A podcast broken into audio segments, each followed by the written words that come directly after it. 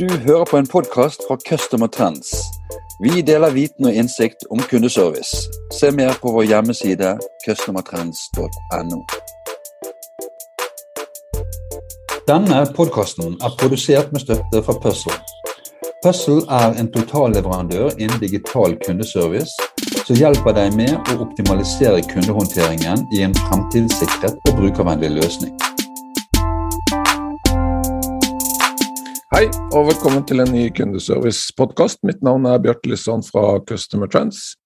Dagens tema er kultur som strategisk verktøy, og det er en stor glede for meg å ønske velkommen Miria Weston, som er leder for kundesenter hos Gyllendal, Gyllendal Norsk Forlag. Velkommen, Miria. Tusen takk. Hvordan står det til med deg i dag? Det står bra til. Eh, til hverdagen er litt mer normal nå, og det, det, er vi veldig glad for. Kunne vi startet med at du fortalte litt om, om deg selv og om eh, Gyllendal? Ja.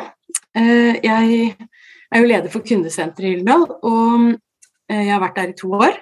Før jeg kom dit har jeg gjort mye forskjellig, men også ledet bedriftskundesenteret i Finn i mange år. Og bygde opp kundesenter og redaksjon i et skipsstedsselskap som het Sesam. Og jeg har jobbet mye med strukturert forbedring og læring, lean-metodikk og problemløsning i flere selskaper, bl.a. KLP og Sporveien og litt rundt omkring. Um, så det tar jeg med meg inn da jeg kom tilbake i kundesenterverdenen for et par år siden. Gyldendal er jo et um, Norges ledende konsern i bokbransjen. Og var jo en bokprodusent, men er nå med ett ben i en helt ny verden. Vi er på vei til å bli et software-selskap, som så mange andre eh, tradisjonelle selskaper gjør nå. Vi er snart 100 år gamle, så det er mye tradisjon og en gammel kultur hos oss. da. Og Gyldendal Norsk Forlag består jo av flere forlag. Vi er i konsern med ARK, som er kjempestort. Og så har vi Gyldendal litteratur, undervisning, akademisk og rettsdata. Så vi gjør mye forskjellig for tiden. Og Hvis du skal fortelle litt, litt, om hva slags henvendelser du mottar, hvorfor tar de kontakt, og hvem er det som tar kontakt med deg? Det er veldig mange forskjellige grunner til at folk tar kontakt. Noen vil ha kontakt med en um, en redaktør i Gyldendal litteratur, for de har en idé til en bok f.eks., eller har skrevet noe de gjerne vil ha utgitt. Eh, noen leter etter bøker. Noen har funnet noe i produktene våre som de vil kommentere eller spørre om. Og så har vi veldig veldig mange henvendelser fra kommuner og bibliotekarer og lærere som bruker Gyldendal undervisningsprodukter, særlig de digitale produktene. Eh, fordi en bok er jo ferdig når den er ferdig produsert, mens digitale tjenester er jo i kontinuerlig utvikling. Vi er ikke ferdig før vi legger ned, og det gjør at det alltid vil være noen som lurer på noe. Og organisasjonen din, hvordan, hvordan ser den ut? Vi er kundesenter og sentralbord for Gyldendal eh, Norsk Forlag. Og så er vi organisert inn i Gyldendal Undervisning, fordi der får vi de fleste henvendelsene. Eh, så vi er organisert sammen med markedsavdelingen og salgsavdelingen. Så vi er på brukersiden av de som er nærmest brukerne våre. Og vi er eh, ti personer totalt, og har mye å gjøre og en god kultur, vil jeg si.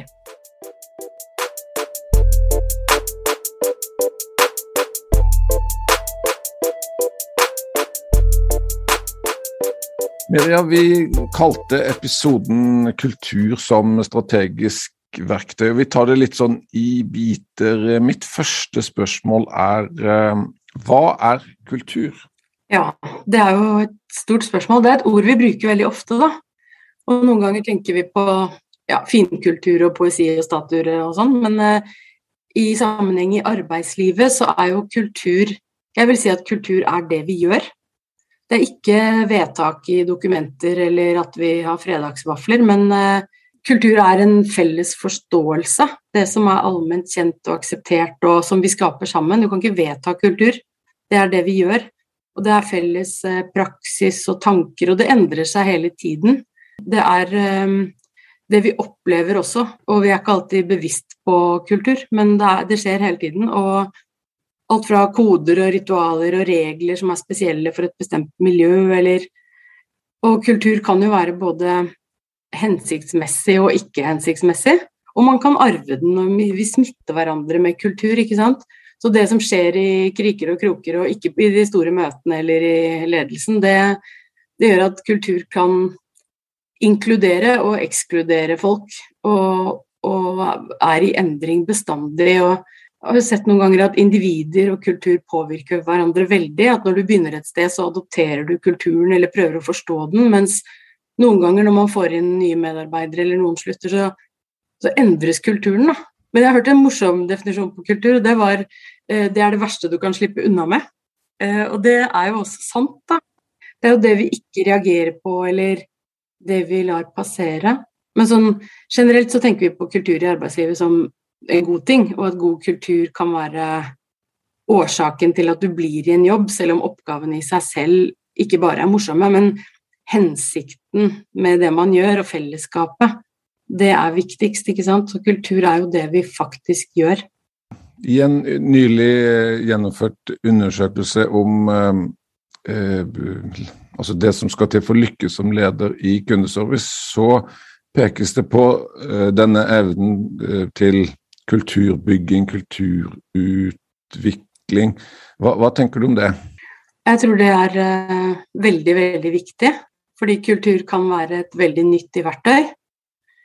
Hvis vi også definerer hvorfor vi har et kundesenter, da. Det er fordi noen trenger hjelp, fordi noe ikke er perfekt, rett og slett. Og kundesenteret skal jo, i mitt hode i hvert fall, både løse kundens problem her og nå, men også bidra til å hindre at flere kunder opplever samme problem. Og Det er ikke alltid kundesenteret kan gjøre det selv, men vi bør bidra til det.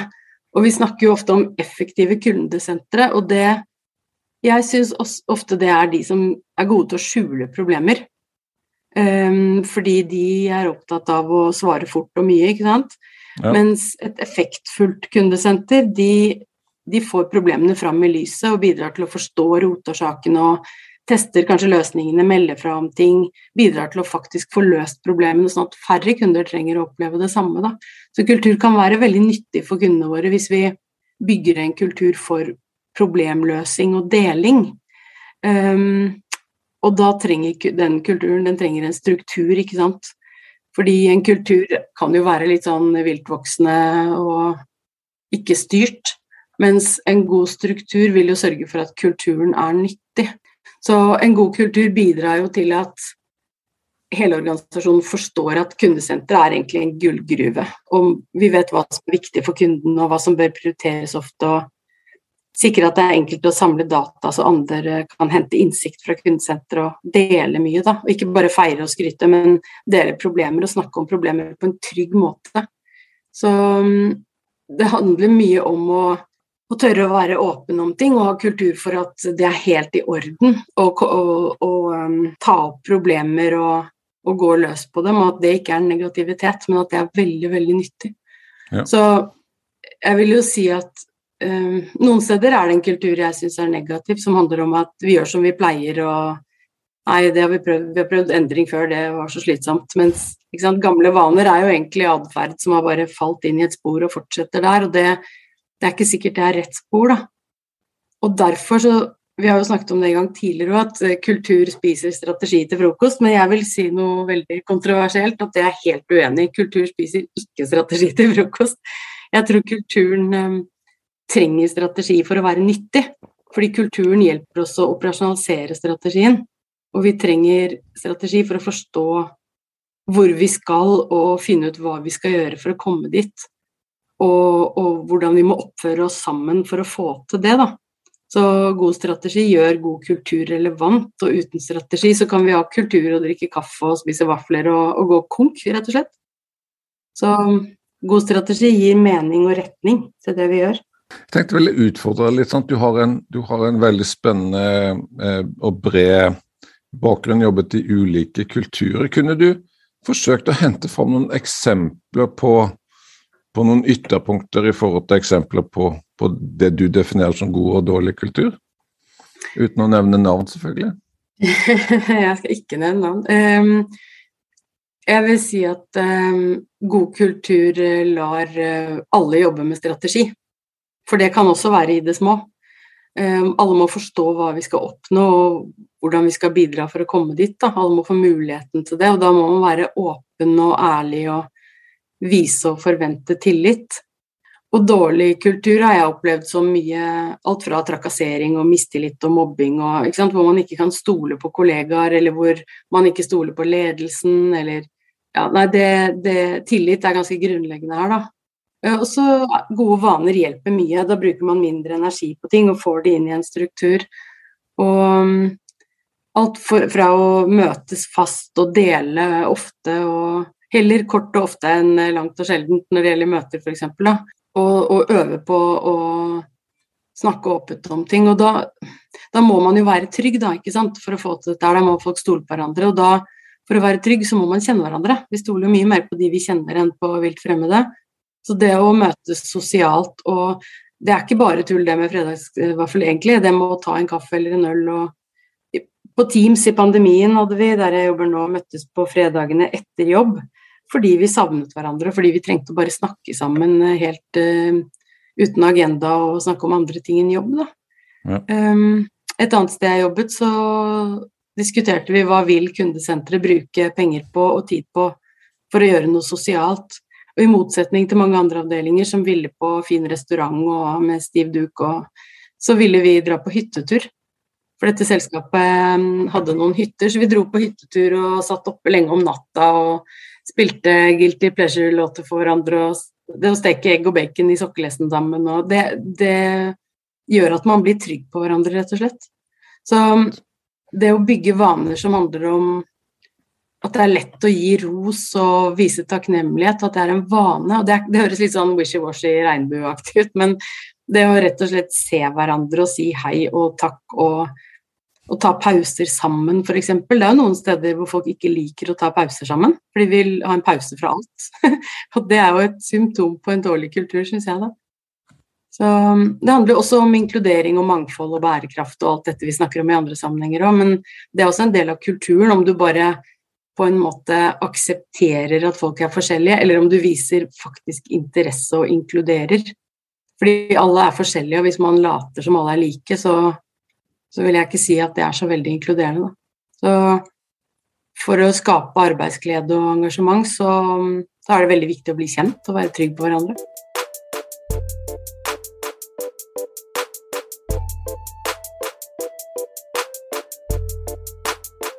Jeg føler vi har etablert et, et, et fundament, et begrepsmessig, en begrepsmessig avklaring. Så jeg hadde lyst til å dykke litt i forhold til hvordan vi kan utvikle eh, og jobbe med kulturen. Spørsmålet lyder hvordan arbeider du for å utvikle den kulturen du ønsker? Jeg tror det viktigste for meg er Ja, det er flere ting, men det er å ha en struktur og en, en eh, Det bør ikke være en veldig konkret plan, men det, kulturen er noe som skjer uansett, så hvis man ønsker å bruke kultur som verktøy og, og styre på en eller annen måte, så må man sette av tid til det, til å tenke på det og, og gjøre det. Og gjerne smått og enkelt og ofte, da.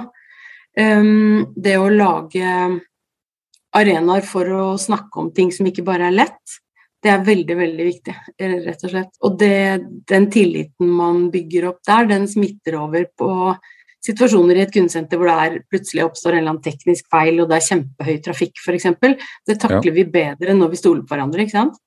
Men du nevner, den, eh, du, nevner den, du nevner struktur, men kan du si litt mer? Er det sånn at du, du har et bilde på hvordan du ønsker at kulturen skal bli, og så jobber du deg strukturert mot det målet? Når jeg sier struktur, så mener jeg det vi har planlagt og gjør jevnlig, og f.eks. faste møter eller måter å løse problemer på, eller informasjonsflyt og alt som, er, eh, som står i kalendere og er, finnes i dokumenter og sånt. Men um, når jeg prøver å se et bilde av kulturen vår, så tenker jeg på menneskene. Og jeg syns at mennesker alltid er viktigst, både kollegaer og kunder. Da. Og at uh, hvis man har en kultur for problemløsing og tør å si ordet problem, f.eks. Det er mange som helst vil si vekstpunkter og muligheter og utfordringer og sånn. Jeg liker å si problemer da, og få det opp på bordet, så kan man undersøke det og gjøre noe med det. Og da, da tenker jeg at um, ja, mennesker er viktigst. Mennesker er kundene, de som vi går på jobb for og, og lever av. Og så er det kollegaer. Og man skal snakke pent om både kunder og kollegaer, og man skal behandle hverandre med respekt, både kollegaer og kunder. I det så legger jeg at strukturen hjelper kulturen, ikke sant. Hvis du har eh, F.eks. nå har jeg én-til-én-samtale med alle jeg er leder for, én gang i uken. Noen ganger går det ikke, da avlyser vi eller flytter litt på det, men de vet at det er fast, og vi mm, setter av tid hvis det plutselig trengs uansett, uavhengig av de møtene. Så har vi faste møter for hele kundesenteret, og det er ofte. Det er ikke lange møter, men det er veldig ofte. For å holde hverandre oppdatert, for å holde kontakten. Og for å, at vi skal vite hvordan det går med hverandre og dele informasjon og status på ting. Og i det så ligger det jo i bunnen at man må være åpen og ærlig og vise tillit. Og som leder så er det viktig at du tør å vise at du liker folk. Det er alltid noe å like hos folk, ikke sant. Og man må bygge relasjoner på det man har felles og det man skal oppnå sammen. Så det å, å være glad i folk tror jeg er en forutsetning for å være en god leder. Um, og så tror jeg vi må Som leder så er det min oppgave å legge til rette for at det skal være lett å gjøre en god jobb. Både i dag og på lang sikt. Så min oppgave er også å løse problemer og, og eh, hjelpe andre å få løst problemer. Altså at medarbeiderne mine også kan det. da. Hvis jeg er syk, så må kundesenteret virke. ikke sant? Det handler mye om eh, fokus på læring, ikke sant. F.eks. ikke hvem gjorde den feilen, men kan, hva kan vi lære av det? Hvordan kan vi bruke det til forbedring? Og så er det en evig balanse mellom hva er aller viktigst her og nå? Det å prioritere hardt, det er jo ikke å lage en lang ønskeliste, men å finne ut hva er det aller viktigste, og så velge bort det aller meste. Og så er det det også at vi må, noen ganger må man bare gyve på og sette i gang. Man tjener ikke noe særlig på å vente, kanskje. Eh, bare tørre å prøve, og tørre å gjøre feil òg. At det er helt i orden, for da lærer vi i hvert fall noe. Og i kundesenteret så er det en ting som går igjen ofte, og det er at det er hektisk. Det er sjelden man er veldig overbemannet og har overkapasitet og kjempegod tid. Og, og, det gjør at en stor utfordring er å sette av tid til refleksjon og læring. Og det må man nesten gjøre, da, mener jeg, hvis, det, hvis man skal ha en optimal problemløsningskultur. Og så må man ha tid til det.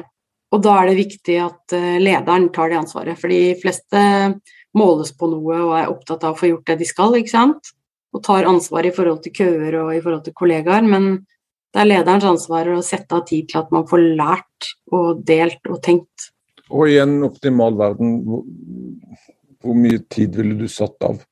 Jeg ville satt av mest tid til å forstå problemene, og litt tid til å tenke på løsningen. Men um, ofte er jo kundesenteret det er jo litt uh, ubarmhjertig situasjon mange kundesentre sitter i, da, fordi vi sitter og sier uh, unnskyld for problemer vi ikke har skapt og ikke kan løse heller, prøver å finne en vei rundt dem. Og, så noe av det vi gjør, er å gjøre organisasjonen oppmerksom på problemene kunden har. Ja. Og da vil jeg si at hvis man har en god kultur i hele selskapet, så, så er det stor interesse for å få løst problemer. Men det er ikke alltid de som lager produkter og tjenester er klar over hvilke problemer brukerne har. Så kundesenteret må ta et ansvar, og kundesenterlederne må ta et ansvar for å lage arenaer hvor man møtes, da ulike roller og ansvarsområder. At man møtes og får diskutert jevnlig. Vi bør ikke vente til det er krise, vi bør gjøre det fast. Ha kjappe statusmøter med andre hvor vi spør du som er produkteier for ditt og datt, hvordan går det med det, hva gjør dere denne uken som kundene kommer til å merke? Hva gjør dere denne uken som vi kommer til å merke i kundesenteret? Det å hele tiden oppdatere hverandre på hva vi jobber med og hva som kommer, da. Men da, det krever at folk eh, både vil og tør, og at de forstår verdien av det. Men jeg tror um, ofte så handler det bare om å prøve. Det er ikke alltid folk har tenkt på det. Folk er jo opptatt med sine egne ting. Så jeg vil oppfordre kundesenteret til å strekke armene ut i alle retninger og samarbeide med alle rundt seg. Da det kommer det mye godt ut av.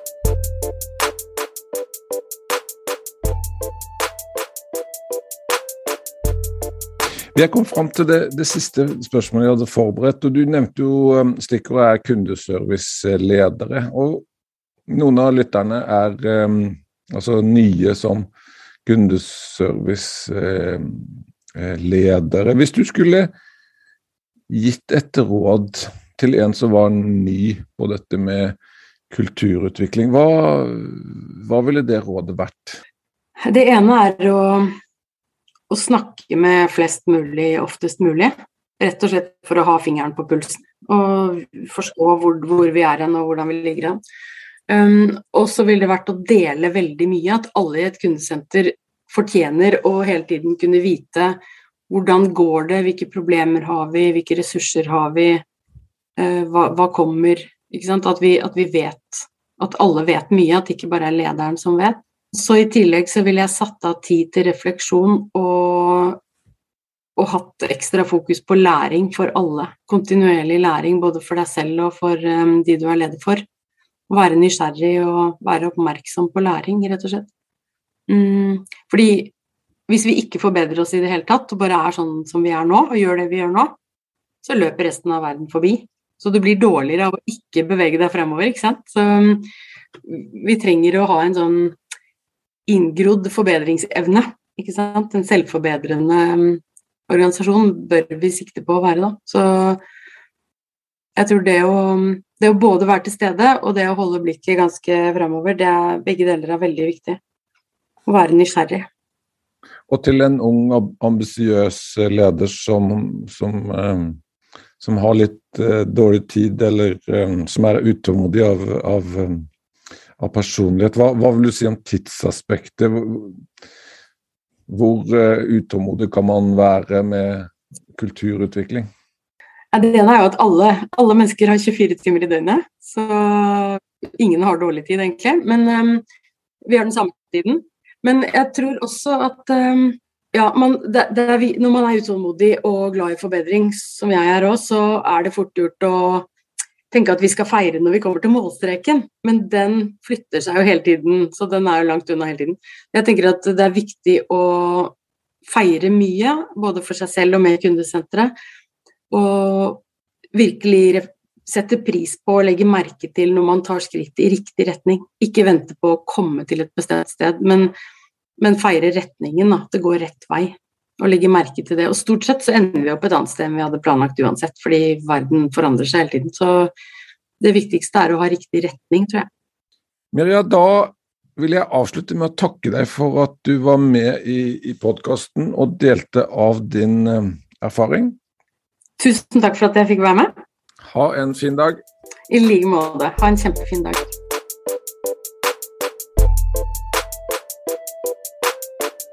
Du har hørt en podkast fra Customer Trends. Vi håper du har latt deg inspirere og lært noe nytt. Finn ut mer om hvordan vi i Customer Trends kan hjelpe deg på customertrends.no.